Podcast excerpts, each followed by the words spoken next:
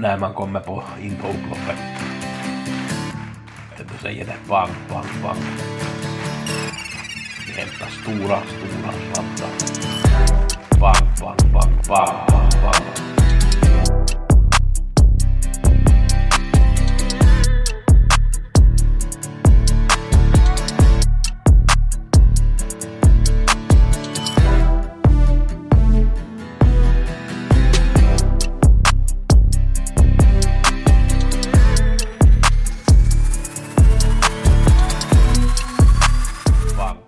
Gusse i veckopodden undantagsvis på tisdag. Jag Var på resa i helgen i Sverige och kom hem igår kväll. Äh, Denna vecka blir det tips endast till onsdag. Jag kommer att vara i Vermo Helsingfors i helgen så att jag har inte riktigt hundraprocentigt den här rätta tiden att kunna leverera tipsen så det blir endast V86 den här veckan. Nästa vecka är det sen normalt igen med både V75 och V86 åtminstone och kanske någon V64 omgång också om vi har någon bra jackpot. Eh, vi ska gå igenom lite förra veckan och vi ska ta lite idéer till den här veckan. Onsdagen var det ju Solvalla och Bjerke, bästa spiken Southwind Boko leverera. Sju, åtta rätt gav nästan 7 miljoner kronor så det var ju en jättesvår omgång kan man säga. Skrällen som jag hade i sjunde loppet var tvåa i mål och jag är lite besviken på mig själv att inte kunde vinna det. Var Gate Nordbotten med HM Lovely Commerce, den borde ha vunnit men äh, den bröt ut på upploppet och så gav den luckan åt The Baron som då fick vinna det här loppet. The Baron går ut på Momarken på lördag förresten och det gör också Claude Egliday som vann i femte loppet och det var också någon annan kanske som skulle gå ut som var med på V86 här senast. Eh, det var nog den saken jag hade i första hand. jag femman rankade etta det var ju bra.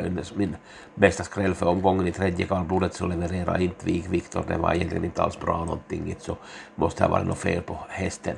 Om vi tar på fredagen sen som det var i Östersund V65 där blev det en ganska enkel radutdelningen blev inte mycket, den blev på 200 2000 kronor eh, Alma Prince hade jag rankat etta, Big Success hade jag också väldigt högt i flanken. Det var ju i A-gruppen och det var ju en bra idé. Backegutten var en tredje, det var ju en favorit, det var en tråkig favorit.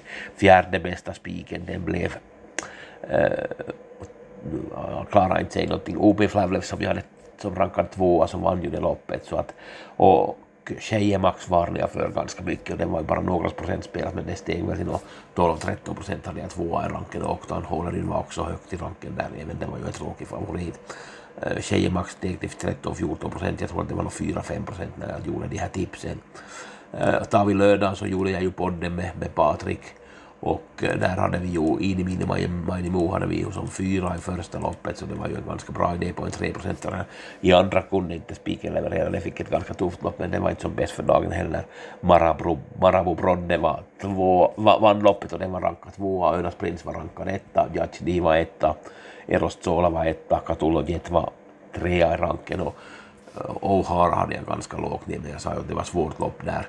I fjärde loppet som jag hade min idélista Pippi, den var trea i mål och gjorde det helt okej, okay, men jag tycker att den borde kanske ha varit lite bättre, 4 steg den till sen.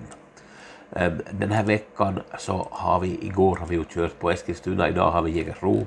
Det är flera intressanta hästar som kommer ut. Tetrick One kommer att göra debut, årsdebut och första starten för Lugauer blir förstås intressant. Den har 40 meter tillägg men jag tycker att den ska klara den här uppgiften. Det är Lucifer Sammo, Harran Buku emot och Haramis Face från start där. Eh, vi hade också. Ett, en intressant idé i fjärde loppet, eller egentligen två stycken, tre stycken kan man säga.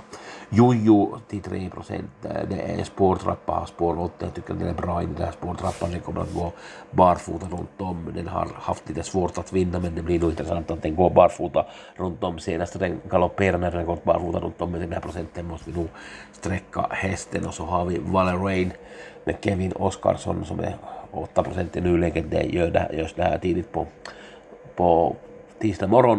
Äh, Valerain är nog en av de här som kan också vinna det här loppet och den är för lite. Och så har vi en dansk gäst, Freja Skovsendi med Axel Jakobsen.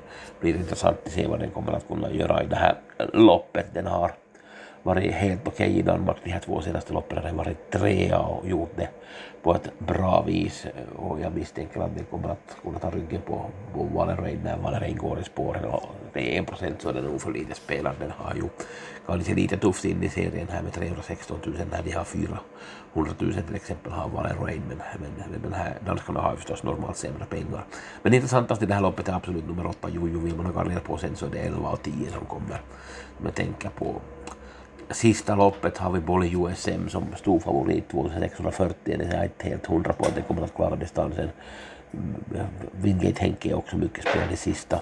Jag vill här lite varna för nummer fyra Sun Sisling som är 3-4 procent. Den var tvåa på Jägersro här i, i höstas. Det kommer från en paus men den här långa distansen är en fördel så att den, jag vill varna, varna för den Sun of i sista loppet. V86 har vi på onsdag Solvalla Bergsåker. Första loppet är ett kallblodslopp, Teknojärven. Alltid galopprisk, spår 1 är det väl större galopprisk, Filip S. Faxnings Brännebanker, BV Sture som jag har jagat länge. Kommer att få ett bättre lopp nu. BV Rune, Järvsö Odin, Backegubben, Pydin, Buskablyg, Eldrask och Belfax har spår 12.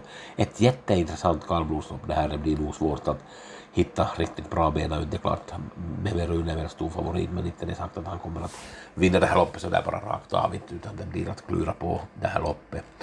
Så hade vi på Solvalla fjärde loppet Uh, Clickbait fick spår 3, Seix McVave fick spår 4 och Eddie West fick spår 9 och Chester Hill fick spår 8. Det är ett intressant lopp. Kommer Clickbait att kunna ta spets nu den här gången eller hur blir det? Den var ju fyra senast från spår 1 att den kommer att kanske vara förbättrad nu och vad kommer Seisvik Wave att kunna göra den galoppera senast? Det var var inte så som allra bäst ut men nu är det hemmabanan och det är barfota runt om så det blir intressant att se det loppet. Eh, vi hade ännu ett lopp som jag hade hittat någonting intressant. Ja, det var eh, OPS Flavlevs går ut i sjunde loppet och den vann ju senast. Nu har de stod den väldigt låg procent. Det är klart att det möter kanske lite tufft motstånd men vi, vi ska till den här procenten så måste det absolut sträckas. Klart att det kommer att ändras den här procenten men det var i alla fall en intressant idé till, till onsdagen. Vi ska ta och se på de här lördagens omgång. Första loppet på Momarken var långdistans. Jag kommer som sagt inte att göra något tips till, till Momarken men det var en intressant omgång i alla fall. Bleduger står på 60 eh, tillägg i första loppet och där var Rittmeister Hill har spår 4, 20 tillägg. Det var de två intressantaste kanske i första loppet. Så hade vi det här tredje loppet där min idé senast, HM Lovely Commerce har spår 9, nu tror jag att det är ett bättre spår för hästen. The Baron som vann fick spår 2, Skate Tricks har 1, Red Hot Roaster har 4 som vann på V86 senast då och uh, Castor Star har spår 11 så det här är ett intressant lopp, bronsdivisionen 1640 bil. Vi har ett kallblodslopp där Bäcklös Oriel fick spår 1 och det står nog väldigt bra till i det här loppet. Torin och Stumne 4 har tillägg och det blir inte enkelt att ta Bäcklös Oriel i det här loppet och Brännerön har spår 8, den har ryggen på Bäcklös Oriel. Det blir ett intressant lopp det var nog allt vad jag nu hade att berätta om den här veckan och veckopodden och som sagt V86 på onsdag är de här tipsen som jag har. Önskar er lycka till på spelet och ha en bra vecka.